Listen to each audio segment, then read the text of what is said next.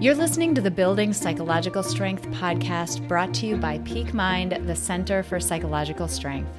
This is Mindset Minute Monday.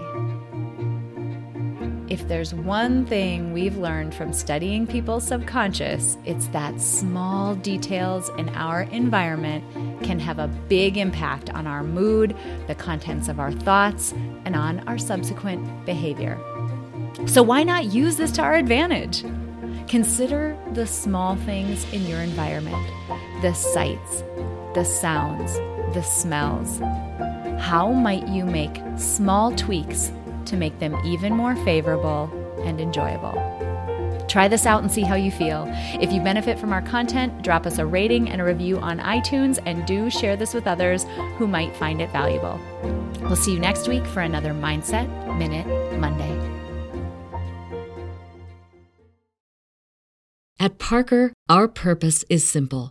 We want to make the world a better place by working more efficiently, by using more sustainable practices, by developing better technologies. We keep moving forward.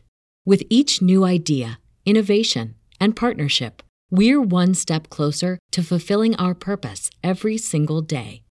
To find out more, visit parker.com/purpose. Parker, engineering your success. Everybody in your crew identifies as either Big Mac Burger, McNuggets, or McCrispy Sandwich. But you're the filet fish Sandwich all day.